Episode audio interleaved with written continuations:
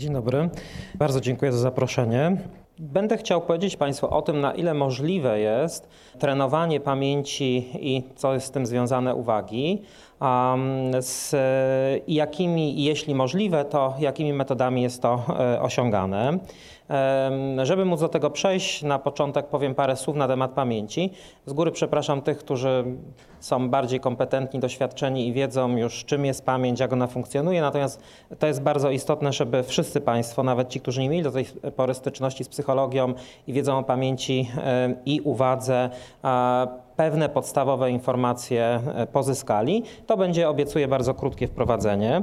Następnie powiem o tym, jakie są metody usprawniania pamięci, także te pozapsychologiczne, wspomnę o nich, e, ale skoncentruję się oczywiście na metodach e, psychologicznych. E, zanim o nich powiem, to powiem o zasadach wspomagania pamięci, zasadach psychologicznych wspomagania pamięci, które wynikają z wiedzy naszej o pamięci i o uwadze, generalnie o procesach uczenia się. To już jest przeszło 100 lat badań i te badania można podsumować w 10 takich zasad i te zasady wspomagania pamięci znajdują później zastosowanie w poszczególnych poszczególnych metodach wspomagania pamięci, o których również powiem. Zakończę pokazaniem Państwu możliwości uczenia się tego, w jaki sposób można wspomagać pamięć, czyli będzie takie trochę meta. Rozpocznijmy od tego, e, czym jest pamięć. Definicji jest oczywiście mnóstwo. E, jest, e, właściwie chyba nie ma dwóch badaczy pamięci, którzy by się zgadzali co do tego, czym jest pamięć.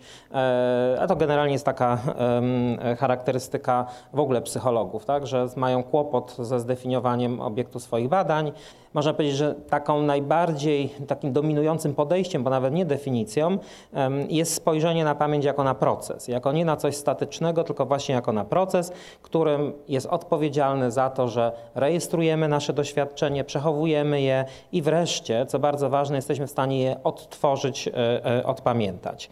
Można powiedzieć, że tak rozumiana pamięć jako proces składa się z trzech faz. Tak?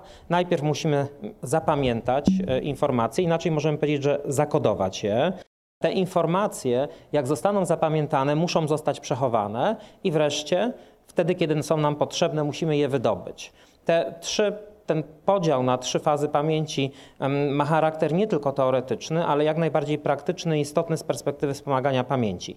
Bo jeśli tak jest, że pamięć składa się z trzech e, etapów, to znaczy, że informacje możemy utracić na każdym z tych etapów. Możemy w ogóle nie zapamiętać. E, I oczywiście większości, większość naszego doświadczenia w ogóle nie jest zapamiętana. Pewna ograniczona ilość informacji, która do nas dociera, jest zapamiętywana. Ale nawet jeśli informacje zostaną zapamiętane, niekoniecznie muszą zostać przechowane. Jest mnóstwo, pewnie mają Państwo dużo własnych doświadczeń, że ewidentnie Państwo się czegoś uczyli, ale Państwo tego po prostu nie pamiętają. Tak? Te informacje mogły nie zostać przechowane. A nawet jeśli zostały przechowane i pamiętali coś Państwo przez 3 lata, to czwartego roku mogą Państwo nie być w stanie już sobie tego przypomnieć. Powody mogą być dwa. Jeden taki, że rzeczywiście tu na tej fazie przechowywania informacja zniknęła, ale powód częstszy jest taki, że informacja wciąż jest w naszej pamięci, tylko mamy problemy z jej wydobyciem. No, najprostszym przykładem jest oczywiście zjawisko mieć to na końcu języka, kiedy informacja ewidentnie znajduje się w naszej pamięci, jest przechowywana, ale nie mamy do niej dostępu, nie jesteśmy w stanie jej wydobyć. Skoro na tych trzech etapach możemy, możemy utracić informację, to znaczy, że metody wspomagania pamięci powinny się koncentrować również na tych trzech elementach. Tak? Czyli powinniśmy doprowadzić po pierwsze do zapamiętania tego, co chcemy zapamiętać, po drugie powinniśmy sprawić, żeby ta informacja była przechowana, a po trzecie, w momencie, kiedy jest nam potrzebna, powinniśmy mieć takie metody, które pozwolą nam tę informację wydobyć i o tym będziemy e, mówili. To spojrzenie na pamięć takie procesowe, e, czy właściwie procesualne, odzwierciedla się też w takim podziale pamięci, w takim mamy trójmagazynowy, najbardziej popularny model pamięci, znaczy, że pamięć składa się z trzech, e, z trzech e, takich no właśnie magazynów, pamięci sensorycznej, krótkotrwałej i długotrwałej i te trzy rodzaje pamięci, one troszkę odzwierciedlają nam te fazy pamięci, bo zgodnie z, tym, z tą koncepcją um, informacje, które do nas docierają, wchodzą do pamięci sensorycznej. To jest, taka, to jest taki um, magazyn pamięci bardzo pojemny, znajduje się w nim bardzo dużo informacji, ale znajdują się one przez bardzo krótki okres czasu. To są ułamki sekundy, maksymalnie tak naprawdę to jest do pół sekundy te informacje są przechowywane. To jest można powiedzieć takie zatrzymanie na chwilę doświadczenia. To jest rodzaj pamięci, który naj, najprościej jest po prostu zobaczyć, zamykając oczy. Jakby Państwo za, popatrzyli teraz sobie na mnie albo na ten slajd, w zależności co się Państwu bardziej podoba, i, e, i proszę zamknąć oczy. Można otworzyć. Widzieli Państwo przed, przez chwilę jeszcze to, co przed zamknięciem oczu? No właśnie to była pamięć sensoryczna. Te informacje zaraz Państwu zniknęły, albo nawet zobaczyli Państwo, że one znikają. Przez ułamki sekund doświadczenie nasze jest przechowywane. To do, dotyczy różnych zmysłów. Ten rodzaj pamięci sensorycznej to była pamięć sensoryczna dla wzroku, jest też oczywiście dla słuchu. Są pewne e, dane mówiące o tym, że i dla dotyku i tak dalej. Mm, to jest bardzo istotne, że te informacje są przechowywane, jest ich dużo, ale są przechowywane przez krótki okres czasu. I teraz, żeby można było mówić o jakimkolwiek, e, o jakiej jakiejkolwiek próbie ich zapamiętania, musimy sprawić, żeby one przeszły do pamięci krótkotrwałej. Wszystkie nie przejdą z bardzo prostego powodu, mianowicie takiego, że pamięć krótkotrwała ma bardzo ograniczoną pojemność. E, mieści się w niej, no różnie się to e, szacuje, ale uważa się, że od 5 do 9 elementów. Co to są te elementy, to jeszcze będziemy mówili, ale generalnie nie jest to dużo. Tak? Pamięć sensoryczna przechowywała mnóstwo informacji, tutaj może nam przejść od 5 do 9. I teraz one mogą być przechowane w pamięci krótkotrwałej nieco dłużej, dlatego że pamięć krótkotrwała i bez, bez żadnego naszego wysiłku, takiego właśnie wspomagającego pamięć, ona przechowuje informacje przez około 20 sekund. Czyli można powiedzieć, że wielokrotnie dłużej niż pamięć sensoryczna, e, choć wciąż krótko, ale tych informacji jest dużo mniej. I teraz musimy coś zrobić, żeby e, informacje z pamięci sensorycznej przeszły do krótkotrwałej, no i żeby przeszły te, na których nam zależy. I tutaj pojawia się e, drugi element e, tytułu dzisiejszego wykładu, czyli uwaga. To znaczy o tym, co przejdzie z pamięci sensorycznej do pamięci krótkotrwałej, decyduje, na co zwrócimy uwagę. Tak? To przejdzie nam z pamięci sensorycznej do, krótko, do pamięci krótkotrwałej, na co zwróciliśmy uwagę. To jest niezwykle ważny element i dlatego e, trening pamięci jest w ogóle niemożliwy bez treningu uwagi.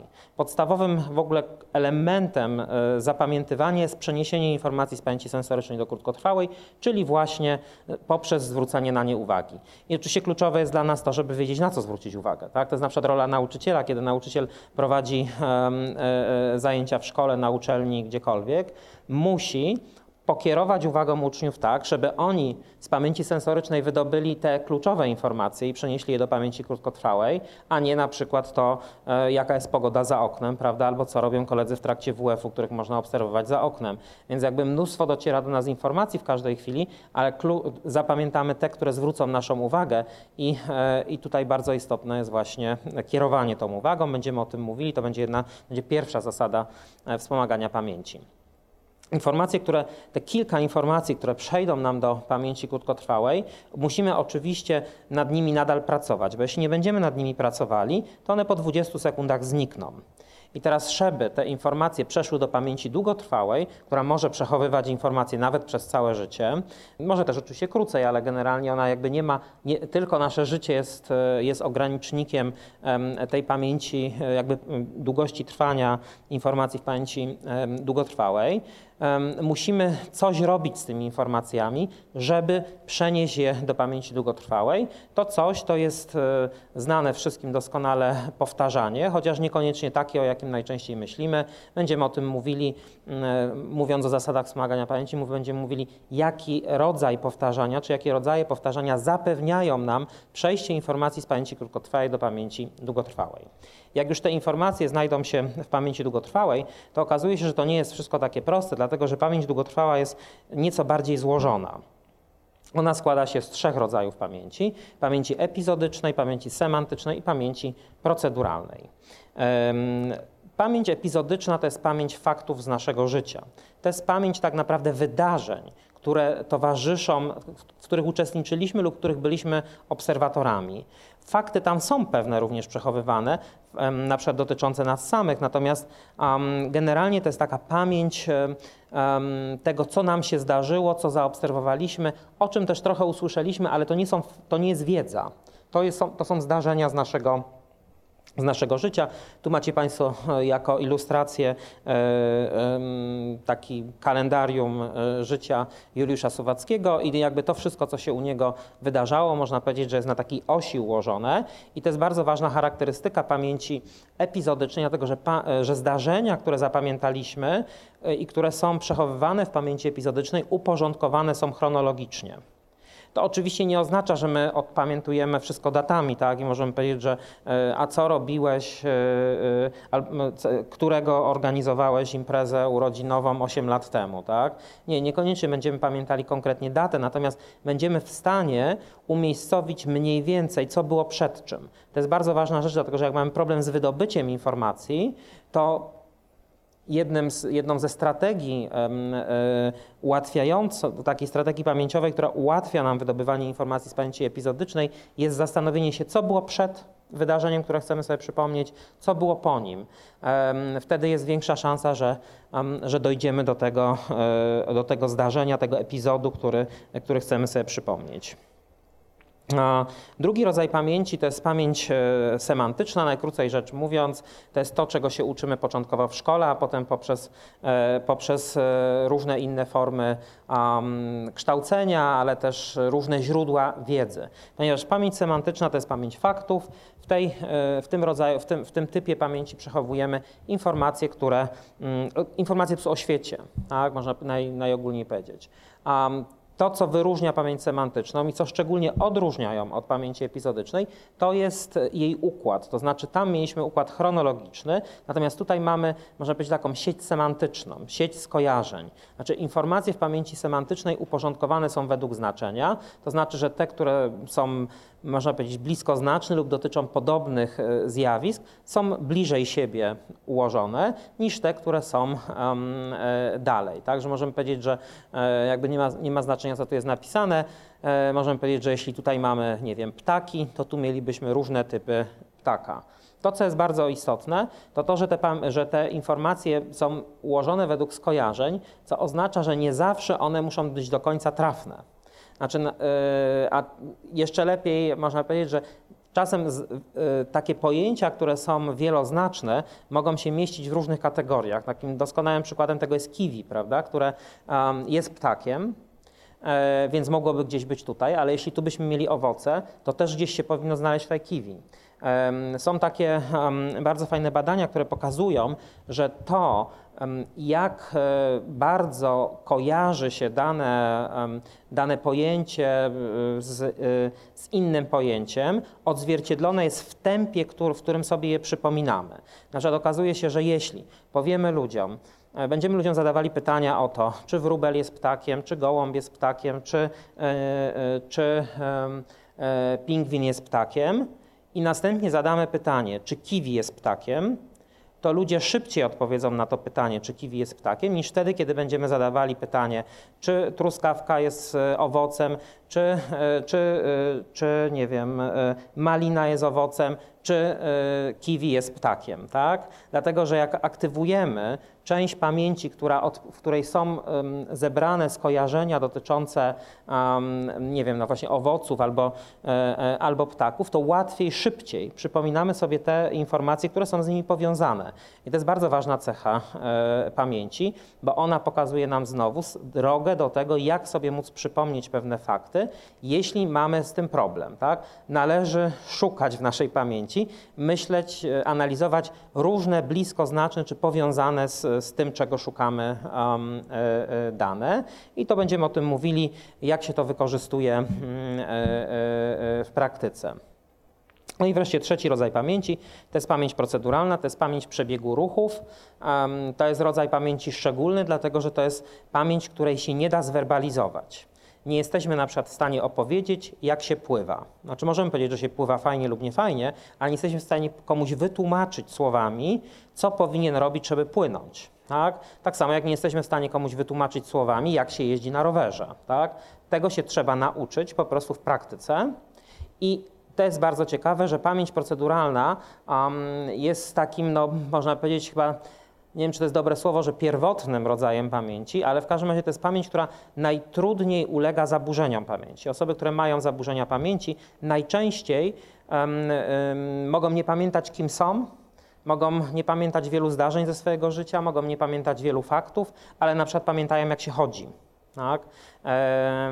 Czy będą pamiętali, jak się jeździ, e, jeździ na rowerze. Mm, jest wiele takich e, badań, które pokazują, że osoby z bardzo głęboką demencją są w stanie na przykład e, poprzez pamięć ruchów, jak się zgubią, wyjdą z domu prawda, na spacer, nie wiedzą kim są, nie wiedzą gdzie mieszkają i tak dalej, potrafią wrócić właśnie, dla, jeżeli wielokrotnie wcześniej pokonywali tą samą drogę i, i, i stanowi ona w pewnym sensie, mm, jakby mają ją zapamiętaną w formie ruchu ruchu. Choroba Alzheimera, która jest taką chorobą, e, no, najbardziej można powiedzieć, e, no, to jest choroba neurodegeneracyjna, ale też, która pierwsze objawy jej są właśnie pamięciowe. E, ona prowadzi do, początkowo do tego, że ludzie właśnie pewnych drobnych rzeczy nie pamiętają, Potem stopniowo przestają pamiętać zdarzenia ze swojego życia, potem przestają pamiętać, kim są, ale jeszcze pamiętają, jak się na przykład chodzi a w ostatniej fazie choroby Alzheimera, jeśli dożyją, na przykład już nie chodzą, tak? dlatego że nie mają pamięci tak naprawdę ruchu. I to jest, e, to, jest, e, to jest taka pamięć, która jeśli ulega zaburzeniu, to ulega zaburzeniu na sam koniec. To już jest naprawdę bardzo poważne e, Musi być bardzo poważna choroba, zaawansowana, żeby, e, żeby doszło do, mm, e, do zaburzenia tego typu pamięci. I stąd płynie nam pewien, e, pewien istotny wniosek, mianowicie tego rodzaju pamięci proceduralnej się nie ćwiczy. Nie ma problemu z nim zasadniczo. Tak? Znaczy to jest, będziemy, się, będziemy mówili o doskonaleniu pamięci semantycznej epizodycznej, dlatego że pamięć proceduralna zazwyczaj bardzo dobrze funkcjonuje. Znaczy jesteśmy w stanie się nauczyć różnych sekwencji ruchów. Nie jest to zazwyczaj dla nas dla nas problem. Ja osobiście nie znam żadnych ani publikacji, ani metod, które miałyby na celu doskonalenie pamięci proceduralnej. Ona nawet u osób z bardzo poważnymi zaburzeniami funkcjonuje dobrze. Tyle tego krótkiego wprowadzenia na początek na temat samej pamięci. Um, teraz chciałbym się przyjrzeć temu, w jaki sposób możemy um, usprawniać pamięć. Generalnie usprawnianie pamięci, czy metody wspomagania pamięci możemy podzielić na takie trzy grupy. Metody psychologiczne, o których powiem więcej, bo, bo one są tematem naszego wykładu. Można powiedzieć, że dzielimy je na po pierwsze techniki takie stricte wspomagania pamięci i ćwiczenia uwagi. Jak wspominałem, każda, każdy trening pamięci składa się i z jednego, i z drugiego. Właściwie trudno sobie wyobrazić tylko ćwiczenie, znaczy można sobie wyobrazić, że ktoś ma problem tylko uwagowy, więc ćwiczy tylko uwagę, ale samo uczenie się technik wspomagania pamięci zazwyczaj jest nieskuteczne, musi mu towarzyszyć, muszą mu towarzyszyć ćwiczenia e, uwagi. I większość treningów pamięci e, właśnie to są jednocześnie treningi pamięci uwagi. Mamy oczywiście e, też taką grupę metod farmakologicznych, które są bardzo, bardzo modne, o czym świadczy rozwój rozwój różnych środków farmakologicznych. Jak się pójdzie do apteki, to właściwie można mnóstwo nakupować jakichś preparatów opartych na lecytynie e, czy na miłożębie japońskim. Tak, to rzeczywiście są substancje, które są jak najbardziej korzystne dla naszej pamięci i leki, które wspomagają pamięć, są suplementy diety. To jest generalnie dobra wiadomość jest taka, że one są. Zła wiadomość jest taka, że co do ich działania są pewne wątpliwości, szczególnie jeśli chodzi o suplementy diety. W ogóle suplementy diety to jest to jest temat na osobny wykład, dlatego że zasadniczo one nie działają, dlatego że się po prostu nie wchłaniają. Tak? Czyli możemy e, wydawać dużo pieniędzy i, e, i zazwyczaj tak robimy, przyjmować mnóstwo suplementów diety, cieszyć się z tego powodu, że robi nam się lepiej, ale w rzeczywistości nie dlatego robi nam się lepiej, że przyjmujemy te suplementy, tylko dlatego, że wierzymy w to, że robi nam się lepiej, bo one mają bardzo słabą przyswajalność to szczególnie dotyczy e, witamin. E, witaminy w tabletkach prawie w ogóle się nie przyswajają. Um, więc dużo lepszym, dużo lepszą strategią E, która wspomaga pamięć w sposób w cudzysłowie farmakologiczny, jest stosowanie, jest odpowiednia dieta, tak? dlatego że na przykład witaminy czy mikroelementy dużo lepiej przyjmują się po prostu w, w, w pokarmach, tak? czyli przyjmowanie odpowiednich pokarmów to jest bardzo dobra droga do tego, żeby doskonalić swoją pamięć. Nie wiem, słynne, prawda, to wszyscy chyba wiedzą, że e, orzechy zawierają substancje, które są wspomagające pamięć.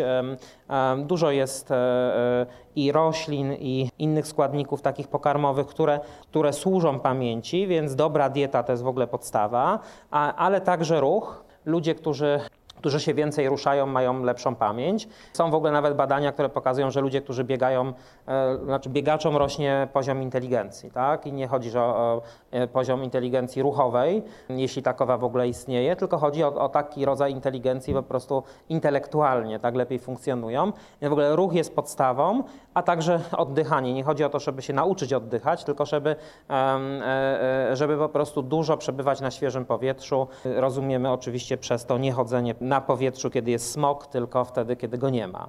I e, te trzy elementy, czyli dieta, oddychanie i ruch, to są takie podstawy. One są zresztą i przyjemne, i, i tak naprawdę łatwe w zastosowaniu, więc warto o nich pamiętać, dlatego też o nich, e, e, o nich tutaj wspominam. Nie będę się w nich zagłębiał, jest sporo takich publikacji, które tego dotyczą. Nie zalecam szczególnie tych farmakologicznych metod, bo to jest tak naprawdę chemia. Spokojnie zdrowy tryb życia plus metody psychologiczne wystarczą wystarczą. Te metody psychologiczne, jak wspominałem, oparte są na pewnych zasadach. Te zasady to są um, zasady, które wynikają e, z lat badań. No, tak naprawdę praktycznie 100 lat badań nad pamięcią i procesami e, uczenia się.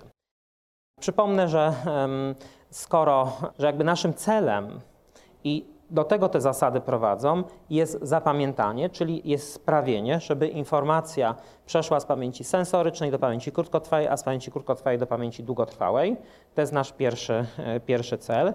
A drugi cel jest taki, że jak już ta informacja zostanie zapamiętana, przejdzie do tej pamięci długotrwałej, to żeby w niej została przechowana i żeby wtedy, kiedy będzie nam potrzebna, żeby została e, e, wydobyta bardzo istotne jest to, że te metody, e, że, że w ogóle metody wspomagania pamięci opierają się na zasadach wspomagania pamięci. Czyli możemy powiedzieć, że kolejność jest taka, były badania, są, są cały czas prowadzone. Te badania prowadzą do, do odkrycia praw rządzących mechanizmami, pamięcią i, e, i uczeniem i na podstawie tych praw formułuje się zasady, a na podstawie tych zasad formułuje się konkretne metody. Zasad wspomagania pamięci jest 10. Można oczywiście byłoby je różnie układać, to jest taka moja propozycja i e, można powiedzieć najbardziej chyba e, e, skondensowana. Pierwsza, e, pierwsza zasada dotyczy, tak jak wspominałem, koncentracji uwagi. Żeby e, informacja została zapamiętana, musi, musimy na nią zwrócić uwagę, tylko wtedy przejdzie z pamięci sensorycznej do krótkotrwałej. Dlatego podstawą psychologicznych metod wspomagania pamięci jest trening koncentracji uwagi, e, ale także trening selekcji, uwagi, e, selekcji informacji, tak? dlatego że to, że my, zwrócimy, my musimy nie tylko zwrócić uwagę, ale musimy też zwrócić uwagę na to, co rzeczywiście chcemy zapamiętać i to jest jakby trening, który prowadzi się zarówno dla tych, którzy się mają zapamiętać, tak? czyli uczy się jak kierować swoją uwagą, żeby, żeby informacje przeszły z pamięci sensorycznej do krótkotrwałej, ale też tym, którzy nauczają, czy tych, którzy nauczają, uczy się, w jaki sposób mają kierować uwagą innych. Tak? To, że ja na przykład mam tutaj przygotowane slajdy, gdzieś tam biegam tym wskaźnikiem, to jest, między, to jest jedna z metod kierowania czyjąś uwagą, tak? w tym przypadku państwa, państwa uwagą. Moją zresztą też to kieruję, bo wiem, co chciałem, co, co mam powiedzieć w dalszej e, kolejności. Więc podstawa to jest trening uwagi i zawsze w treningu pamięci mamy trening uwagi. Druga bardzo ważna, ważna zasada sprawia, e, ma na celu sprawienie, żeby więcej informacji zmieściło się w pamięci krótkotrwałej. Wspominaliśmy o tym, że pamięć e, krótkotrwała ma ograniczoną pojemność. Mieści się tam od 5 do 9 e, elementów. To jest tak zwana magiczna liczba Millera, czyli 7 plus minus 2. I ta, ta, co, co teraz jest jakby ten moment, żeby powiedzieć o, o tym, o czym wspominałem, czyli czym są te elementy, tak? bo mówiliśmy, że od 5 do 9 elementów jest przechowywanych w pamięci e, krótkotrwałej. Te elementy to są sensowne całości. Tak? To może być 9 literek, ale jeżeli te literki składają się w jakiś wyraz, czy jakiś sensowny akronim, to możemy mieć 9 takich wyrazów. Tak? Jeśli te wyrazy składają się w jakieś zdanie, to możemy mieć 9 różnych zdań. Czyli tak naprawdę kluczem do, e, do zwiększenia pojemności pamięci e, krótkotrwałej jest kondensowanie informacji w taki sposób, żeby jak najwięcej, żeby jakby sensowną całość z nich stworzyć. Takim prostym ćwiczeniem, które pokazuje jak można, jak można wykorzystać takie, e, jakby to grupowanie informacji jest, jeśli damy e, uczniom, czy, czy sami stworzymy sobie, czy skądś pozyskamy listę, nie wiem, 40 wyrazów i będziemy się chcieli ich nauczyć na pamięć, to oczywiście to przekroczy pojemność naszej pamięci krótkotrwałej i będziemy musieli długo nad tym pracować, żeby najpierw kilka wyrazów z pamięci krótkotrwałej przeszło do długotrwałej, potem kolejnych kilka i tak dalej. Natomiast można, to, można je zmieścić wszystkie pamięci krótkotrwałej, jeśli pogrupujemy je w sensowne kategorie, tak? Czyli na przykład uda nam się z, tego, um, z tej listy wyrazów um, jakieś pojazdy mechaniczne um, albo owoce, albo cokolwiek innego, tak? Wtedy będziemy w stanie zapamiętać 7 czy nawet 9 grup wyrazów, a nie 7 wyrazów, tak? Jeśli będziemy mieli listę 40 wyrazów, to do 9 wyrazów nam się zmieści w pamięci krótkotrwałej. Jeśli te wyrazy pogrupujemy w kategorie,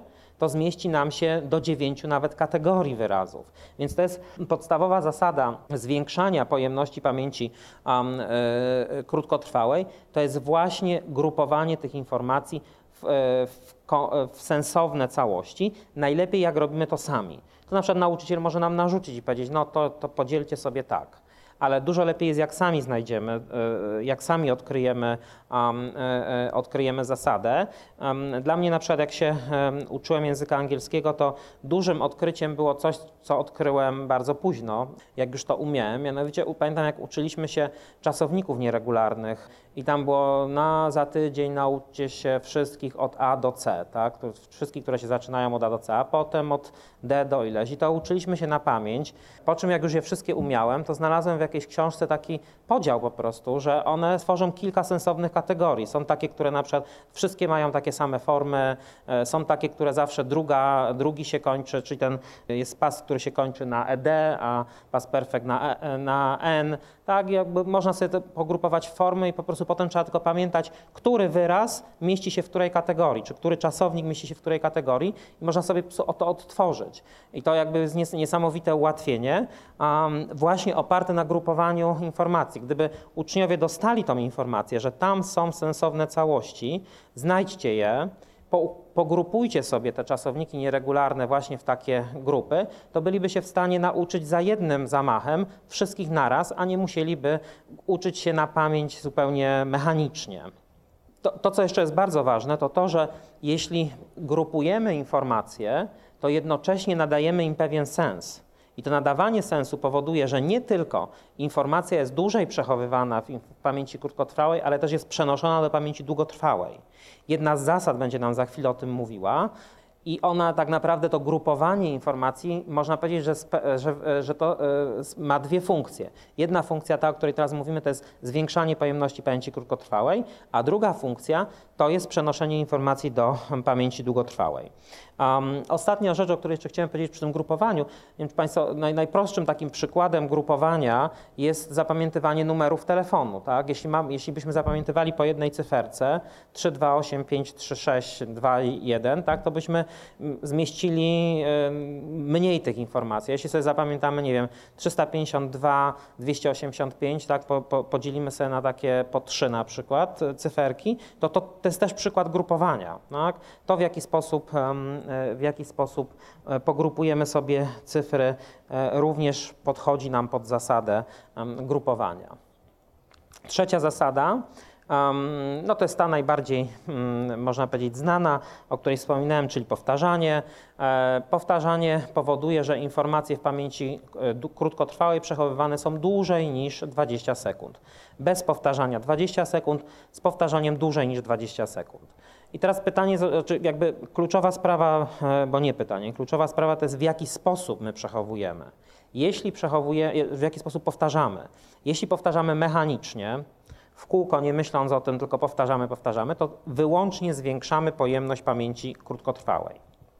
Jeśli natomiast um, będziemy powtarzali um, e, informacje w sposób um, bardziej, e, e, może nie tyle nawet świadomy, co bardziej taki wymagający od nas pomyślenia, poszukania pewnych zależności, to nie tylko przechowamy te, te, informacje dłużej w pamięci, ale właśnie przeniesiemy je do pamięci długotrwałej. To, o czym mówiłem przed chwilą o grupowaniu, to właśnie grupowanie to jest powtarzanie informacji, no bo jak zbieramy sobie informacje w kategorie, tak, no to powtarzamy je jednocześnie, tak? Jak układamy sobie informacje w kategorie, mamy z nimi styczność, powtarzamy je. Natomiast nie tylko je powtarzamy, ale też pracujemy na ich sensie, dlatego te informacje mogą przejść do, e, nie tylko być, jakby mogą dłużej być w pamięci krótkotrwałej, ale również mogą przejść do pamięci e, długotrwałej. Czyli kluczowe jest to nie tylko samo powtarzanie, ale sposób, w jaki to robimy. E, e, bezmyślne przepisywanie e, informacji z książki jest powtarzaniem, ale powtarzaniem mechanicznym. Jeśli my będziemy się zastanawiali, jak te informacje pogrupować, w jaki sposób one się odnoszą do naszej aktualnej wiedzy, jak się odnoszą do nas, będziemy jeszcze o tym za chwilę mówili, wtedy mamy, zwiększamy sobie szanse na to, że informacje te przejdą do pamięci długotrwałej to powtarzanie takie, można powiedzieć, niemechaniczne, je się nazywa w psychologii e, powtarzaniem opracowującym, ono spełnia kolejną zasadę wspomagania pamięci, mianowicie kojarzenie, tak, tak zwane schodzenie na poziom semantyczny. Wspominaliśmy o tym, że informacje w pamięci semantycznej przechowywane są w, w taki sposób sieciowy, tworzą się z nich sieci, tak zwane sieci semantyczne. W związku z tym powtarzanie takie opracowujące polega na tym, że łączymy nowe informacje z informacjami, które już posiadamy. Tak? To jest niezwykle ważne. Czy wkładamy nowe informacje w naszą sieć semantyczną? Wracając do kiwi, jeśli na przykład dowiedzieliśmy się, wiedzieliśmy do tej pory, że kiwi to jest po prostu owoc, to możemy, kiedy dowiadujemy się, że to jest również ptak, to powinniśmy wprowadzić go sobie do pamięci, do naszej sieci semantycznej, czyli powiązać go nie wiem, do jakiego ptaka jest podobny, na jakim kontynencie występuje, jakie inne ptaki tam występują, tak? W ten sposób. Czyli jak się uczymy o jakimś nowym wydarzeniu historycznym, czy nową datę historyczną chcemy zapamiętać, to nie powinniśmy e, robić tego na zasadzie takiej, że okej, okay, no to nie wiem, tysiąc ileś tam to coś, tylko powinniśmy zastanowić, co jest przed, co jest po, co w tym samym roku się wydarzyło, tak? Czyli wiązać nową wiedzę, tą, która do nas przychodzi, z wiedzą już posiadaną. To jest niezwykle istotne i to jest właśnie to kojarzenie. Tak naprawdę skojarzenie to jest kluczowa, e, kluczowy element większości technik wspomagania pamięci. Musimy kojarzenie to jest nic innego jak wiązanie nowej wiedzy z wiedzą, którą już, e, e, którą już posiadamy i łącznie z wykorzystaniem wyobraźni, o którym za chwilę będziemy mówili, stanowi to podstawę tak zwanych mnemotechnik, które są bardzo popularne i które w ramach właśnie trenowania E, pamięci są, e, e, są bardzo często ćwiczone. Kolejna zasada mówi o tym, żeby poświęcać odpowiednią ilość czasu na opracowywanie informacji, które znajdują się w środku. O co chodzi? Okazuje się, że jeśli weźmiemy sobie listę znowu, może najprostszy przykład, listę wyrazów, to będziemy chcieli, będziemy chcieli je zapamiętać. Dostaniemy, nie wiem, 40 wyrazów i 5 minut. Tak? To okaże się, oczywiście 5 minut to jest za mało, żeby zapamiętać wszystkie 40 wyrazów, jeśli nie, zna, nie ma się odpowiednich strategii, nie zna się odpowiednich mnemotechnik. To okazuje się, że ludzie zapamiętują przede wszystkim te, które są na początku tej listy i na końcu listy. Tak? Czyli zapamiętujemy to, co jest na początku i na końcu. To, co jest na początku, to jest tak, zapamiętanie tego, co jest na początku listy, to jest efekt pierwszeństwa. Pamiętanie tego, co jest na końcu listy, to jest efekt świeżości. Okazuje się, że bardzo rzadko pamiętamy to, co jest w środku. Są pewne wyjątki, ale generalnie rzadko pamiętamy e, to, co było w środku. W związku z tym Skąd, z czego w ogóle wynika efekt pierwszeństwa i efekt świeżości? Efekt pierwszeństwa wynika z tego, że zazwyczaj tym wyrazom, które były na początku, czy tej informacjom po prostu, które były na początku, poświęciliśmy więcej czasu, więc one zdążyły już przejść do pamięci długotrwałej. Tym, które są na końcu, te, które są na końcu, pamiętamy dlatego, że one jeszcze nie wyszły z pamięci krótkotrwałej, co już jest pewną informacją istotną dla nas, że to znaczy, że jak nawet jak mamy efekt świeżości, to nadal musimy pracować nad informacjami, nad pamięcią naszą, dlatego że te informacje są tylko w pamięci krótkotrwałej, nie są jeszcze w pamięci długotrwałej. A to, że nie pamiętamy informacji z środka, no to wynika, że tak naprawdę najmniej e, czasu i uwagi poświęciliśmy e, im. W związku z tym to, co się powinno robić, to, to odpowiednio długo jeszcze pracować nad tym, co na końcu, ale też pamiętać o tym, co w środku. Inną metodą, która wynika z tej zasady, jest różnicowanie informacji. Okazuje się, że łatwiej zapamiętamy informacje, które są w środku, jeśli wśród nich są informacje szczególnie interesujące, um, szczególnie wyróżniające się. Um, kiedyś na jednym z treningów pamięci dla nauczycieli, to był wyjazdowy, co ma pewne znaczenie i to było pierwszego dnia. Um, już e, wszyscy czekali, prawda, że tego dnia popiją e, przed kolejnym dniem, co też ma znaczenie dla tej historii. Mieliśmy takie ćwiczenie, w którym właśnie trzeba było zapamiętać listę 40 wyrazów. Chciałem pokazać e, uczestnikom właśnie efekt pierwszeństwa i świeżości i prawie wyszło. Kłopot był tylko taki, że wszyscy zapamiętali jak jeden mąż, środkowe dokładnie, środkowy wyraz z listy, więc zupełnie mi to zaburzyło wyniki, bo wyraz ten brzmiał jean. I wprawdzie chodziło mi o dżin z butelki, w sensie nie, znaczy nie, no jedno i drugie jest butelki. Chodziło mi taki z bajki, taki dżin, prawda? Ale wszyscy już myśleli o tym dżinie, który będzie wieczorem i zapamiętali ten dżin, on się po prostu wyróżniał. I to jest doskonała, e, doskonała ilustracja tego, że jeśli coś się znajdzie w środku, co będzie mm, e, interesujące, to jest większa szansa na to, że ta informacja przejdzie do pamięci e, długotrwałej i zostanie zapamiętana. Więc z, tej, z tego pamiętania o tym, co w środku, wynika właśnie poświęcanie czasu, uwagi i e, jakby szukanie takich metod, które e, pozwolą nam wyróżnić informacje w środku. Część z Państwa młodszych może nie pamiętać ery przed, e, przed TVN-owej w telewizji, ale jest taki moment właśnie, można powiedzieć, w historii polskiej telewizji, w którym zmieniło się coś, mianowicie to był moment powstania stacji TVN, a konkretnie moment pojawienia się programu Fakty dlatego że do czasu faktów wszystkie informacje we wszystkich stacjach telewizyjnych, głównie w e, TVP, zwane wiadomościami wtedy, wyglądały tak, że było tak, no tam coś najważniejszego było na początku, potem były takie nudy, gdzieś tam wycieczka do PGR-u, jakieś takie ten, a na koniec było trochę o kulturze, to też takie nudy, na koniec wszyscy czekali na sport i pogodę. Mało kto w ogóle jakby z kimkolwiek porozmawiać, były nawet takie badania, co ludzie zapamiętują z, e, z, programów telewizyjnych, no to się okazywało oczywiście zgodnie z e, pierwszeństwem i świeżością, okazywało się, że pamiętają początek, no bo tam były takie najważniejsze informacje, a e, i pamiętają koniec, no bo wszyscy czekają na pogodę. To w ogóle jakiś taki, taki mm, zupełnie abstrahując od głównego tematu, jakiś fetysz naszego społeczeństwa, to jest pogoda. Nie wiem, czy Państwo zwrócili na to uwagę, że wszystkich interesuje, jaka jest pogoda i siedzą i czekają na tą pogodę, sprawdzają tą pogodę, jakby to w ogóle było jakby wszyscy rolnictwo uprawiali, nie? Jakby, e, bo ja rozumiem, że dla rolników to ma duże znaczenie, ale, e, ale zadziwia mnie w ogóle jakby takie fetyszyzowanie e, pogody. No ale to miało właśnie odzwierciedlenie między innymi w tym pamiętaniu. Ludzie pamiętali, co się wydarzyło najważniejszego i pamiętali, jaka będzie jutro pogoda. Zawsze była zła i, i tyle. Ale potem się pojawiły fakty, które wprowadziły metodę amerykańską, czyli metodę, w której informacje ważne, wyróżniające są przeplatane z informacjami takimi mniej ważnymi. Jak Państwo zobaczą, jak się zaczyna, a teraz już wszystkie programy telewizyjne tak robią, więc można, można sobie włączyć prawie dowolny, jeden wyjątek jest chyba, ale, e, ale wszystkie, wszystkie pozostałe robią, robią tak samo. Mianowicie pokaz, mówią na początku, zapowiadają trzy takie najważniejsze informacje, ale to nie jest tak, że prezentują je na samym początku. Pierwszą prezentują, potem jest jakaś taka mniej istotna, potem wracają do drugiej, potem jest mniej istotna, potem wracają do tej trzeciej najważniejszej, tak? Czyli różnicują ten materiał, sprawiają po pierwsze, to oczywiście powoduje, że ludzie wtedy siedzą dłużej przed telewizorem, a o to przecież chodzi.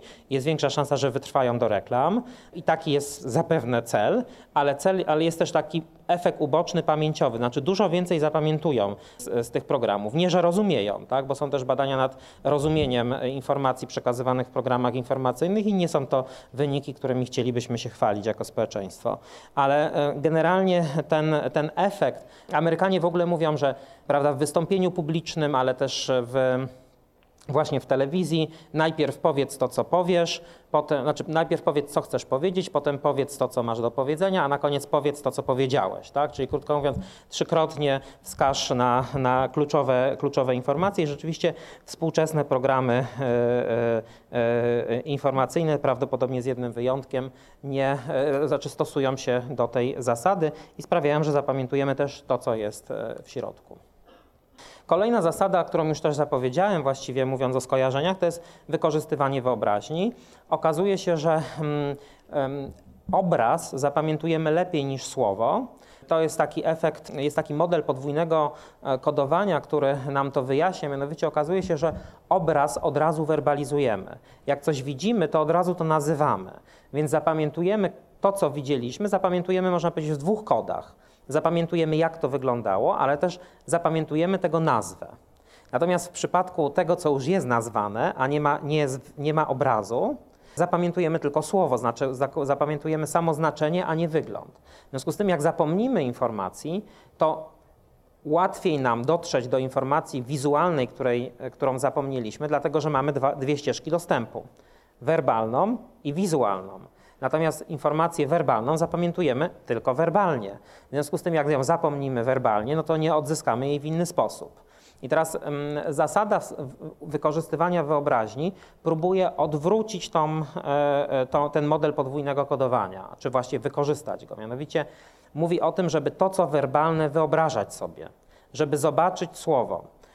Nie napisane słowo, ale jego znaczenie, tak? Czyli na przykład, nie wiem, jeżeli mamy listę znowu wyrazów, do zapamiętania, to jeżeli wyobrazimy sobie te, te, te, te wyrazy, to zapamiętamy je lepiej, e, czyli jak mamy słonia i na liście słoń, wyobrazimy sobie tego słonia, to okazuje się, że zapamiętamy łatwiej to, bo mamy, wykorzystamy model podwójnego kodowania, ponieważ to abstrakcyjne słowo słoń zostanie skonkretyzowane w postaci obrazu.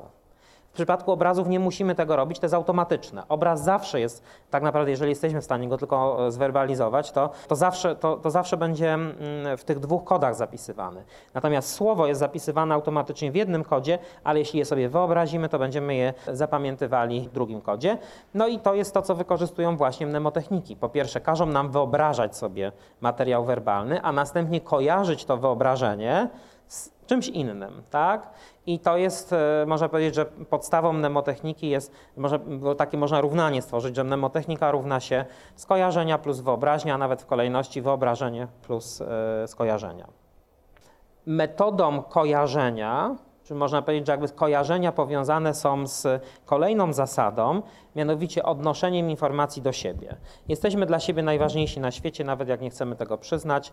Wszyscy tam wymieniają rodzina i nie wiadomo co jeszcze, ale tak naprawdę to my jesteśmy dla siebie najważniejsi. Jest dużo psychologicznych danych, które to potwierdzają. Znany pewnie części przynajmniej z Państwa efekt cocktail party, także jak jesteśmy na imprezie, mm, dużo ludzi rozmawia ze sobą, my stoimy w jednej grupce i rozmawiamy o czymś, jest jakaś inna grupka, która no słyszymy, że, je, że mówią, ale nie słyszymy co mówią, dlatego że jest harmider, ale jak powiedzą nasze imię, to natychmiast je wyłapiemy. Tak? To jest taki efekt uwagowy, a on pokazuje bardzo dobrze, że, że właśnie jesteśmy dla siebie ważnymi osobami, ale jest też efekt pamięciowy, to się nazywa efekt odniesienia do ja. Otóż to, co nas dotyczy, zapamiętujemy lepiej niż to, co, co nas nie dotyczy.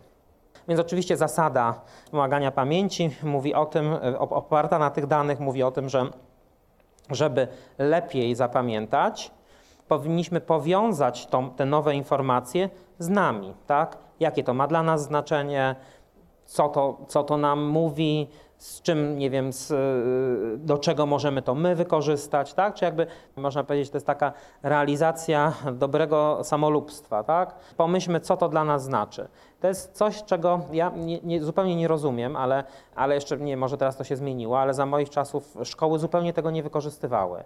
Uczyliśmy się mnóstwa takich abstrakcyjnych rzeczy, które tak naprawdę z perspektywy dzisiejszej widzę, że one miały znaczenie, tak? że one być może jakbym je pamiętał, to by mi się do czegoś przydały, um, e, ale wielu z nich nie pamiętam, bo nie miałem w ogóle poczucia, że mogą mi się do czegoś przydać. Na przykład mm, no, historii się zazwyczaj, nie wiem, pamiętam, uczyliśmy dość abstrakcyjnie, no to się wydarzyło, tam to się wydarzyło i tak dalej, ale można to zawsze spróbować odwrócić, tak? czy wykorzystując tą zasadę odnoszenia do siebie się zapytać, jakie to ma dla mnie znaczenie, tak? co wynika z tego, że, nie wiem, było powstanie warszawskie, czy coś dla mnie konkretnie z tego wynika. Podejrzewam, że każdy z nas prędzej czy później byłby w stanie sobie odpowiedzieć na pytanie, że jednak coś wynika. E, I gdybyśmy popatrzyli na historię, na, na, na dane, których się uczymy, fakty, właśnie w taki sposób z mojej perspektywy, tak, co to dla mnie znaczy dzisiaj, co ja z tego mam lub właśnie czego ja dzięki tego, temu nie mam, to szans, niezależnie od tego, czy byśmy do tego doszli, czy nie, to sam fakt, żebyśmy o tym myśleli, rozmawiali, dyskutowali, spowodowałby, żebyśmy po prostu więcej na ten temat e, zapamiętali. Więc ta zasada odnoszenia do siebie zachęca do takiego poszukiwania związków między nami a e, nowymi informacjami, czy bardziej odnoszenia tych informacji do nas, do nas samych. Kolejna ósma zasada mówi o tym, że lepiej zapamiętujemy to, co wiąże się z odczuwaniem emocji. Może nie bardzo silnych emocji, zwłaszcza jak one są negatywne, to silne negatywne emocje mogą nawet utrudniać e, zapamiętywanie.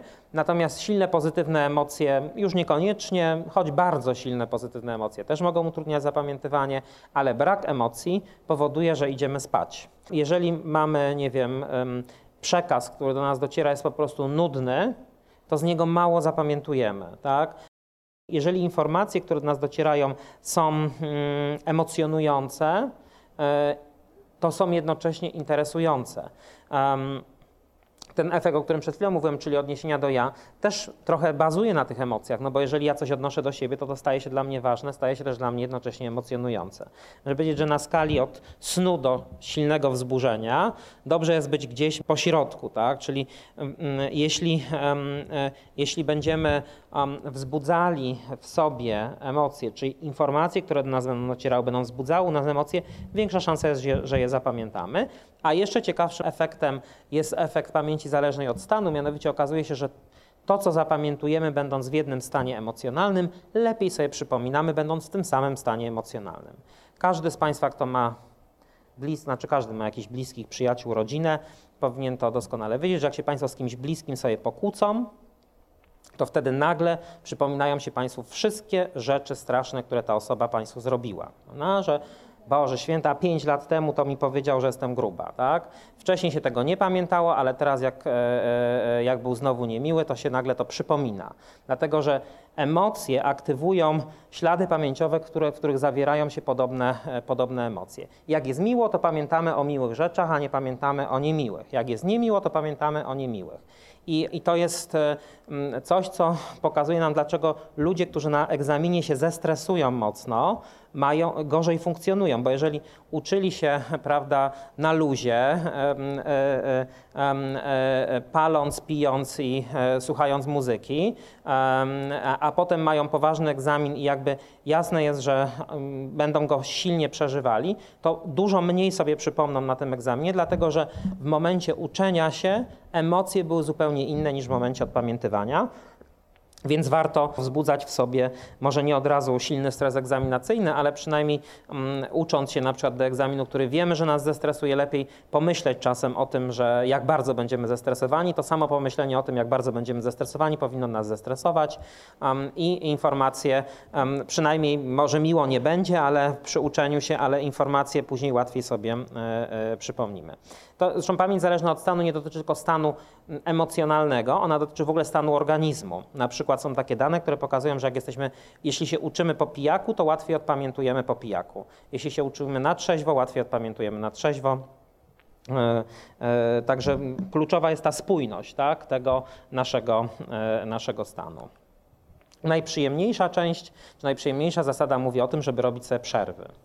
Um, otóż Um, wiedza musi się uleżeć, jakkolwiek jest to taka mądrość, e, e, można powiedzieć, tramwajowa e, albo babcina, e, czy jakkolwiek ją nazwiemy, mm, no to ona ma e, e, oparcie w faktach, dlatego że Pamięć krótkotrwała, tak się uważa, jest taki model, który mówi o tym, że e, pamięć e, e, krótkotrwała to jest krążenie impulsu w zamkniętej sieci neuronalnej.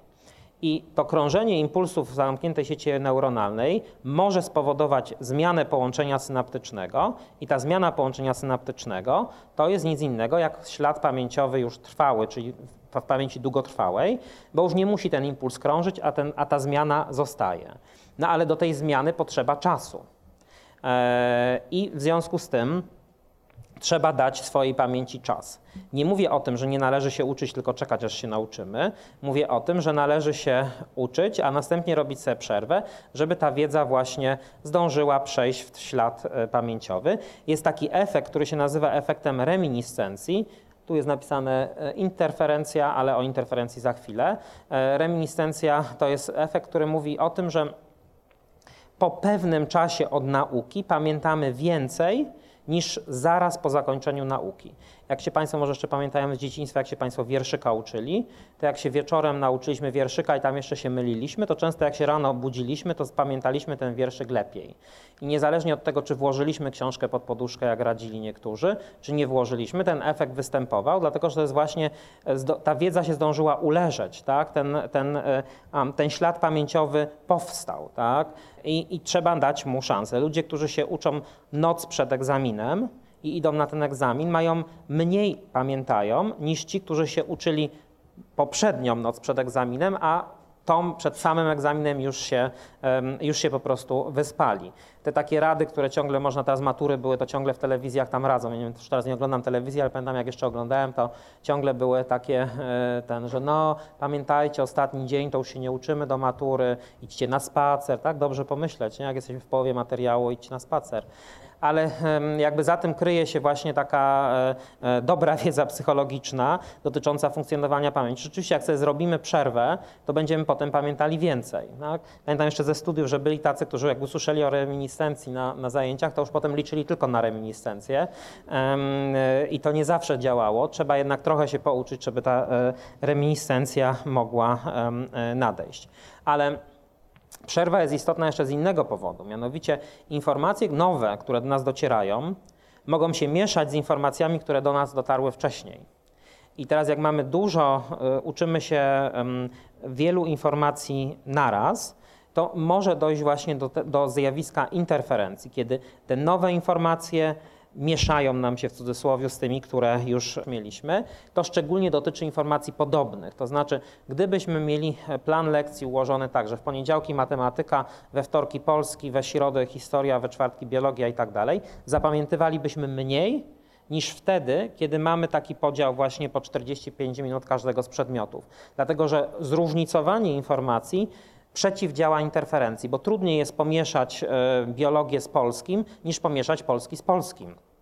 Stąd kluczową e, zasadą, która też płynie z, tego, e, z, znaczy z tej zasady robienia sobie przerw, płynie też taka, taka nauka, że nie tylko robimy przerwy po to, żeby właśnie ta wiedza się uleżała, ale robimy też, mieszamy informacje, różnicujemy informacje po to, żeby nie zdążyły one ze sobą interferować. Ale robienie sobie przerw ma jeszcze takie fajne skutki uboczne. Zupełnie na marginesie o tym mówię, e, chociaż one są jak najbardziej pamięciowe. Mianowicie jest efekt Zeigarnik. Nie wiem, czy Państwo słyszeli, to jest bardzo, e, to jest efekt odkryty podczas badania kelnerów, pamięci kelnerów. Okazywało się, że kelner, bo jak Państwo wiedzą, dobry kelner nie zapisuje sobie tego, co, e, co, co, co zamawiają klienci, tylko zapamiętuje. Zły kelner sobie zapisuje, a bardzo zły zapamiętuje, ale niedobrze. I, e, i ten Zeigarnik to była e, kobieta, która, która e, Bluma miała na imię, jeśli dobrze pamiętam, Bluma Zeigarnik. Mm, Ona badała, jak pamiętają kelnerzy i okazywało się, że jeśli kelnerów się rozproszyło, jakby składali, składaliśmy zamówienie, ale nie, nie, nie złożyliśmy do końca tego zamówienia, bo coś to przerwało, to ci kelnerzy zapamiętywali lepiej to zamówienie niż wtedy, kiedy nie zostało im to przerwane. I potem badano to na bardzo wielu różnych obszarach i okazało się, że czynność przerwana jest pamiętana lepiej niż czynność dokończona. Stąd wynika wniosek, że Przerwę dobrze jest sobie robić nie w momencie, kiedy skończymy pewna, pewną całość, tylko właśnie przed momentem skończenia tej całości, bo wtedy zapamiętamy więcej. A drugi efekt, który się z tym wiąże, efekt e, owsiankiny, polega na tym, że ma, jeśli mamy niedokończoną czynność, to nie tylko pamiętamy ją lepiej, ale też mamy większą motywację, żeby do niej wrócić. Czyli na przykład, nie wiem, jak piszemy um, pracę magisterską, to dobrze jest nie kończyć momencie, kiedy mamy, zamknęliśmy rozdział, robimy przerwę. Nie. Lepiej jest skończyć na ostatniej stronie tego rozdziału, bo wtedy mamy większą motywację, żeby wrócić, a z drugiej strony też zapamiętamy, co w niej napisaliśmy, a dobrze jest wiedzieć, co się napisało we własnej pracy magisterskiej. No i reminiscencji już Państwu e, wspominałem wcześniej. Ostatnia zasada to jest zasada, która koncentruje się wokół wydobywania informacji z pamięci, czyli poszukiwania wskazówek, które mogą nam pomóc wydobyć informacje z pamięci. Wspominałem już o efekcie to na końcu języka, ale jest dużo innych zjawisk, które pokazują, że możemy pamiętać coś, znaczy możemy czegoś nie pamiętać, chociaż znajduje się to w naszej pamięci. Są, e, są takie dane, że ludzie, którzy zapamiętują pewnej, czegoś nie pamiętają, to pod hipnozą są w stanie to przypomnieć i rzeczywiście przypominamy sobie więcej pod hipnozą. To, czy to jest lepsze, czy to jest trafne, czy nie, to jest inna sprawa, ale pod hipnozą przypominamy sobie więcej. Jeszcze ciekawszym zjawiskiem, wydaje mi się, które jakby dobrze pokazuje to, że możemy zapamiętać, więcej pamiętać niż móc sobie przypomnieć, jest e, ustępowanie amnezji. Tak? Ludzie, którzy na przykład przeszli wypadek z uszkodzeniem, nie wiem, no, na przykład z trzęsieniem mózgu, czy po prostu no, przeszli wypadek i nie pamiętają e, wypadku i nie pamiętają, nie wiem, dwóch tygodni sprzed wypadku, stopniowo odzyskują pamięć, tak? czyli cofa im się amnezja. Często ona się tak cofa, że jakiś tam sam moment wypadku nie jest, nigdy, nigdy go sobie nie przypomną, bo nie doszło do konsolidacji, tak? nie, było, um, nie było czasu na utworzenie się śladu pamięciowego, natomiast przypominają sobie to, co zapomnieli wcześniej, co znowu pokazuje, że musiały być te informacje z ich pamięci, no przecież z kosmosu nie zostały przesłane, tylko um, one były w ich pamięci, ale nie mieli do nich dostępu. I mm, o tym mówi zasada specyficzności kodowania. Zasada specyficzności kodowania mówi, że, że my zapamiętujemy nie tylko informacje, ale zapamiętujemy też um, kontekst, w którym te informacje są nabywane. Czyli e, pamiętamy nie tylko to, że e, prawda, nauczyliśmy się, e, że Słowacki wielkim poetą był, tylko też pamiętamy, kiedy się tego nauczyliśmy, czy w jakich warunkach, czy w jakim otoczeniu się tego nauczyliśmy, czy w jakim stanie byliśmy, kiedy się tego uczyliśmy. I teraz te informacje towarzyszące zapamiętywaniu, one stanowią wskazówkę do wydobycia informacji. Okazuje się na przykład, że jeśli mamy efekt, zjawisko mieć na końcu języka i powiemy ludziom, ktoś mówi, no nie pamiętam, nie pamiętam po prostu, podsuniemy mu pierwszą literę, przypomnij sobie, tak? Czyli dostarczamy mu wskazówki. I o to właśnie chodzi w wydobywaniu, żeby dostarczać ludziom e, wskazówek i tymi wskazówkami to może być kontekst. Pamięć zależna od kontekstu to właśnie jest zapamiętywanie e, wraz z informacjami, które chcemy zapamiętać, zapamięty, zapamiętywanie pewnych takich danych środowiskowych. Eksperyment, który doprowadził do odkrycia pamięci e, zależnej od kontekstu był dość zabawny. Mianowicie wzięto nurków, studenci należący do klubu nur nurkowego i e, były cztery warunki tego eksperymentu. Część studentów nurków uczyła się na plaży, a odpamiętywała pod wodą. Część uczyła się pod wodą, a odpamiętywała na plaży. Część uczyła się na plaży i odpamiętywała na plaży. Część uczyła się pod wodą i odpamiętywała pod wodą. I co się okazało? Okazało się, że najwięcej pamiętali ci, którzy uczyli się pod wodą i odpamiętywali pod wodą, i ci, którzy uczyli się na plaży i odpamiętywali na plaży. Najmniej pamiętali ci, którzy w innych warunkach się uczyli, a w innych warunkach odpamiętywali. I to pokazuje, że powinniśmy, jeśli nam zależy na, na, na jakby odpamiętaniu, powinniśmy uczyć się w warunkach zbliżonych do tych, w których będziemy później odpamiętywali wracając do egzaminu, jeśli idziemy, wiemy, że będziemy zdawali egzamin, prawda, ubrani w garnitur, e, siedzący naprzeciwko komisji, to lepiej nie uczyć się, prawda, leżąc w rozbebłanym łóżku, e, obsypani chipsami i e, oblani kolą. To nam raczej nie pomoże. A od biedy, jak już tak zrobimy, to wtedy siedząc przed komisją, trzeba sobie powiedzieć, proszę dać mi się zastanowić i wtedy sobie przypomnieć, w jakim stanie byliśmy, kiedy się tego uczyliśmy. Tak? Wtedy jak sobie odpamiętamy, wykorzystamy wyobraźnię, odpamiętamy sobie właśnie ten barłuk, w którym się uczyliśmy, to rośnie szansa, że przypomnimy sobie również to, czego się uczyliśmy. Tak? Czyli ten kontekst to jest jeden, taki fizyczny kontekst. Drugi to jest pamięć zależna od stanu, o której już wspominałem, czyli przypomnienie sobie, w jakim stanie albo przypomnienie sobie, w jakim stanie emocjonalnym e, zapamiętywaliśmy pewne informacje, albo po prostu bycie ponownie w tym stanie. Skojarzenia jeśli wykorzystywaliśmy właśnie skojarzenia, to wystarczy, że jeden element skojarzony sobie przypomnimy, żeby nam się przypomniał ten drugi, czy efekt odniesienia do ja. Jeśli wykorzystywaliśmy odniesienie do ja, to możemy sobie zacząć starać przypomnieć, no okay, nie pamiętam, ale zaraz, jak, jakie to miało dla mnie znaczenie, tak? Czy jakby różne, można powiedzieć najkrócej, te wszystkie i pamięć zależna od stanu, pamięć zależna od kontekstu, za, e, skojarzenie, efekt odniesienia do ja, opierają się po prostu na skojarzeniach, tak? Że jakby, jak mamy jeden element układanki, brak, mamy cokolwiek, jakiś punkt zaczepienia, to więcej, y, czy jakiś element pamięciowy tego zdarzenia, czy tego faktu, czy tej grupy faktów, którą chcemy sobie przypomnieć, to rosną nasze szanse, że sobie je e, przypomnimy. I teraz, jak wspominałem, te 10 zasad wspomagania pamięci opartych na e, wiedzy naszej e, o pamięci, wykorzystywanych jest w, we wspomaganiu pamięci. E, jest kilka takich form wspomagania pamięci, które są dostępne na, na, na, naszym rynku. Po pierwsze to jest trening pamięci, o nim powiem na, na samym końcu. Po drugie są to poradniki pamięciowe, jest strasznie dużo, to jest w ogóle cały rynek. Powiem o kilku, które są, które są rzetelne, ale teraz jest też coraz więcej, prawda, żyjemy w, w erze rewolucji informacyjnej, chociaż podobno już się skończyła ta, ta rewolucja, już podobno w ogóle postęp technologiczny się skończył, tak gdzieś czytałem niedawno, a w każdym razie się spowolnił bardzo. Mamy różnego rodzaju takie wspomagane metody, wspomagane komputerowo metody e, wspomagania pamięci. Brzmi całkiem interesująco. Wspomagane komputerowo metody wspomagania pamięci. E, czyli programy komputerowe, aplikacje online czy e-learning. O tym też e, za chwilę powiem. Najbardziej znanym propagatorem mnemotechnik, czy w ogóle metod wspomagania pamięci psychologicznej jest Tony Buzan, który często przyjeżdża do Polski i zarabia krocie. E, na tych przyjazdach on napisał mnóstwo książek, w których e, opisuje, on jest między innymi twórcą map myśli, nawet opatentował te mapy myśli. Taką najbardziej podstawową książką, której jest najwięcej takich mnemotechnik, w tym też są opisane mapy myśli, to jest właśnie pamięć na zawołanie. Do okładki nie ma się co przywiązywać, bo to jest tak często wznawiane za każdym razem z inną okładką. To jest, to jest absolutny bestseller. W podobnym duchu są e, książki e, e, Harry'ego Lorraina, na przykład ta sekrety superpamięci.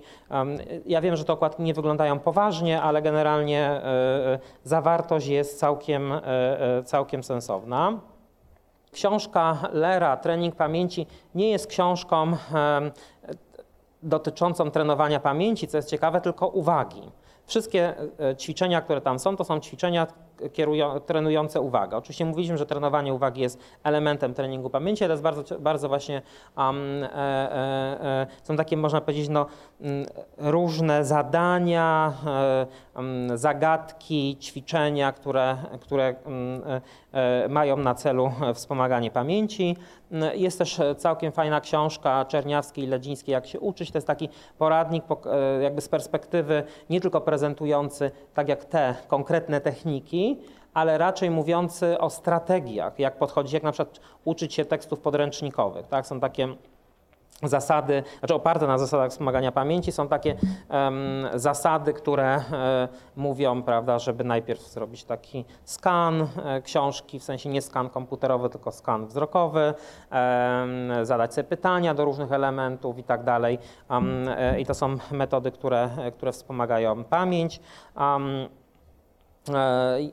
to jest też książka moja i Marzeny Wiśniak na temat wykorzystywania metod e, wspomagania pamięci do podnoszenia efektywności edukacji. Tu mamy 12 zasad, dlatego że dwie są specyficzne dla, poza dziesięcioma, o których mówiłem, to są jeszcze dwie, które są specyficzne do, um, dla klasy szkolnej, czy po prostu w ogóle nauczania, nie tylko uczenia się, ale, ale nauczania. Jeśli chodzi o programy komputerowe, to nie ma jakiegoś wielkiego bogactwa. Ja osobiście znam taką serię programów Akademia Umysłu um, i tutaj mamy taki zestaw, są dwa zestawy, jest pamięć, koncentracja, szybkie czytanie. Te pamięć i koncentracja to są właśnie te, które można wykorzystać. Są dwa, dwie jakby edycje. Jest pierwsza część i część druga, czyli w sumie można powiedzieć, że jest po, po dwie płyty są do pamięci, po dwie do koncentracji. I to są programy, um, które, które właśnie wykorzystują wiedzę o procesach pamięci i wiedzę o metodach wspomagania pamięci do, e, do, do podnoszenia skuteczności pamięci.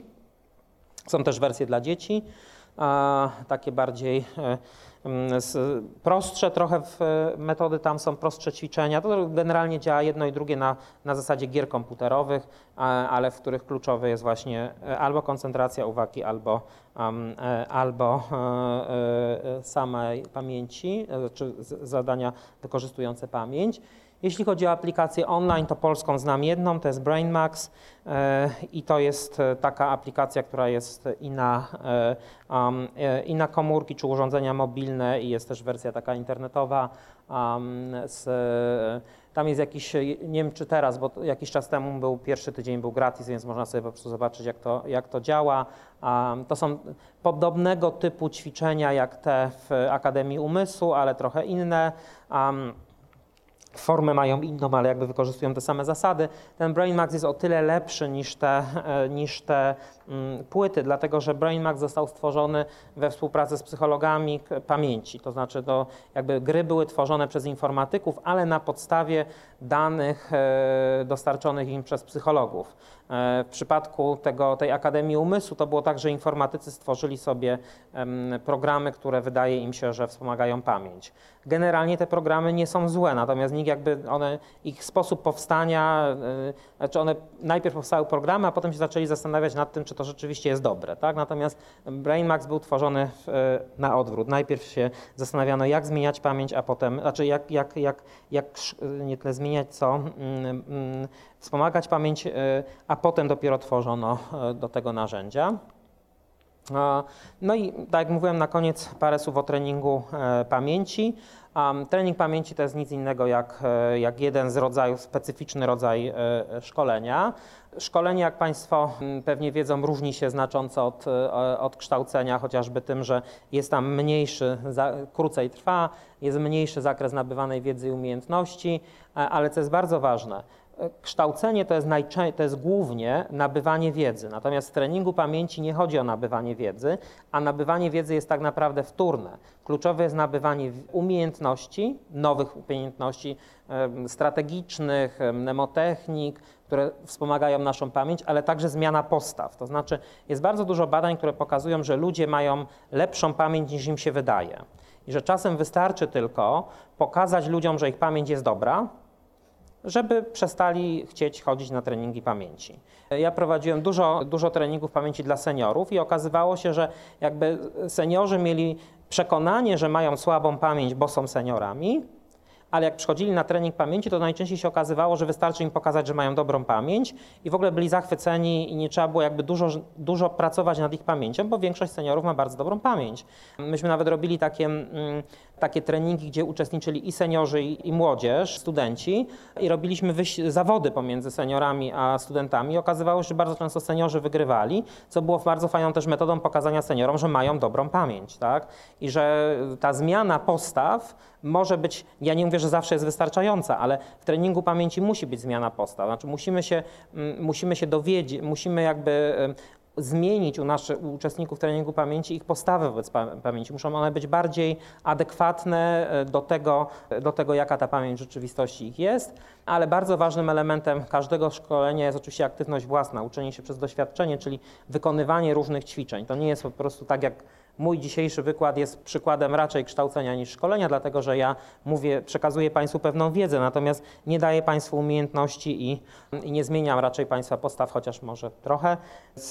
A, a, to jest głównym celem treningu pamięci nabycie umiejętności i, i zmiana e, postaw. Możemy więc powiedzieć, że trening pamięci to jest taki proces uczenia się, którego celem jest nabycie, modyfikacja i doskonalenie wiedzy o pamięci, postaw wobec pamięci i umiejętności wywierania wpływu na własne procesy pamięciowe. Najczęściej ma charakter grupowy. Takie treningi pamięci można też oczywiście prowadzić indywidualnie, natomiast one są dużo mniej, e, mniej atrakcyjne. No nie powiem, że są dużo mniej skuteczne, bo praca z programem komputerowym to też jest rodzaj treningu pamięci indywidualnego, ale nie jest aż tak atrakcyjny jak możliwość pracy, e, e, pracy w grupie. Nacisk treningu pamięci kładziemy właśnie na, na nabywanie umiejętności i te, te nabywanie wiedzy tak naprawdę służy zarówno nabywaniu umiejętności, jak i postaw, jak i zmianie postaw. Co bardzo ważne, trening pamięci to nie jest rehabilitacja. Czym innym jest praca z osobami, które mają zaburzenia pamięci, to nie do tego jest trening pamięci. Trening pamięci dotyczy, stosuje się u osób, które, których pamięć jest generalnie sprawna, jest albo w normie, albo blisko normy i chcemy ją usprawnić. Tak? Możemy też stosować trening pamięci osób, które są, mają świetną pamięć, ale chcą mieć jeszcze lepszą, chcą wygrać olimpiadę mnemoniczną. Nie wiem, czy Państwo wiedzą, ale ludzie się ścigają we wszystkim, prawda, i są na, organizowane e, na świecie olimpiady mnemoniczne, gdzie ludzie po prostu ścigają się w tym, ile są w stanie zapamiętać i tego się można nauczyć. Jest nawet po polsku się ukazała książka, niestety teraz nie pamiętam e, autora ani tytułu, ale książka dziennikarza, który um, zaczął od tego, że chciał jakby zbadać, na ile te treningi pamięci są skuteczne i zaczął od tego, że pojechał na jakiś uniwersytet amerykański, tam zbadano jego pamięć i mu powiedziano, ma pan przeciętną pamięć. Mówię, super, o to mi chodziło i zaczął po prostu się uczyć, e, doskonalić swoją pamięć, uczyć się różnych strategii, technik, po to, żeby wygrać olimpiadę mnemoniczną i po dwóch latach mu się to udało i napisał o tym książkę i zarobił dużo pieniędzy, czego wszystkim życzę. Trening pamięci e, grupowy ma tę właśnie przewagę, że po pierwsze ćwiczymy nie sami z komputerem, tylko pod okiem specjalisty, że możemy e, poznać nowe takie ćwiczenia, które niekoniecznie są po pierwsze znane z poradników ćwiczeń czy, czy z poradników pamięciowych, ale też możemy tworzyć nowe, tak? bo jakby trening pamięci jest o tyle specyficznym, specyficzny, że trener pamięci wykorzystuje znane sobie techniki, metody, um, ćwiczenia, które doskonalą pamięć, ale wykorzystuje je, ale jednocześnie znając um, zasady psychologiczne wspomagania pamięci, o których mówiłem, tworzy własne, a więc każdy trening pamięci u każdego trenera będzie wyglądał inaczej. Um, może być źródłem e, inspiracji właśnie do tworzenia własnych zadań, do trenowania pamięci. No i oczywiście praca w grupie może zmieniać negatywne przekonania łatwiej niż praca indywidualna. Ten przykład, który dawałem z seniorami i studentami jest tutaj tego dowodem czy, czy dobrą egzemplifikacją. No też oczywiście uczymy się od innych w ramach treningu pamięci, no i mo mobilizujemy się do wykonywania zadań pamięciowych, tak? Bo jak wiemy, że będziemy musieli za tydzień czy zaraz na tym treningu powiedzieć, co zrobiliśmy w domu, to będzie nam, e, będziemy bardziej być może zmotywowani niż wtedy, kiedy e, komputer nas sprawdza, tak? I będziemy raczej więcej czasu poświęcimy na uczenie się, chociażby przez to, że będziemy chodzili na te treningi, a nie po prostu będziemy mogli siąść lub nie siąść przed, e, przed komputerem. Trening pamięci składa się z, e, jakby organizacja, prowadzenie treningu pamięci składa się z e, siedmiu faz. Zaczynamy od tego, że e, poszukujemy, identyfikujemy takie luki w pamięci, jakby problemy danej grupy, tak? czyli szukamy, szukamy potrzeb, które, w zakresie pamięci, które grupa, dla której prowadzimy trening, ma. Tak? Czyli szukamy tego, co, co tym ludziom brakuje. Na tej podstawie określamy cel treningu. Jak mamy określone cele, czy cel, czy cele treningu, to wtedy dobieramy odpowiednie treści i metody, tworzymy scenariusz, no, organizujemy cały trening, przeprowadzamy go i bardzo ważny element to jest ocena tego treningu. To dotyczy, w ogóle ten cykl jest bardzo podobny w przypadku wielu szkoleń, różnych typów szkoleń. Bardzo ważny jest ten element oceny, to znaczy po, po treningu, jeśli e, możemy ocenić sobie, e, jak, jak uczestnicy ocenią po pierwsze jego przebieg, ale też jak my sprawdzimy, czy ich pamięć się poprawiła.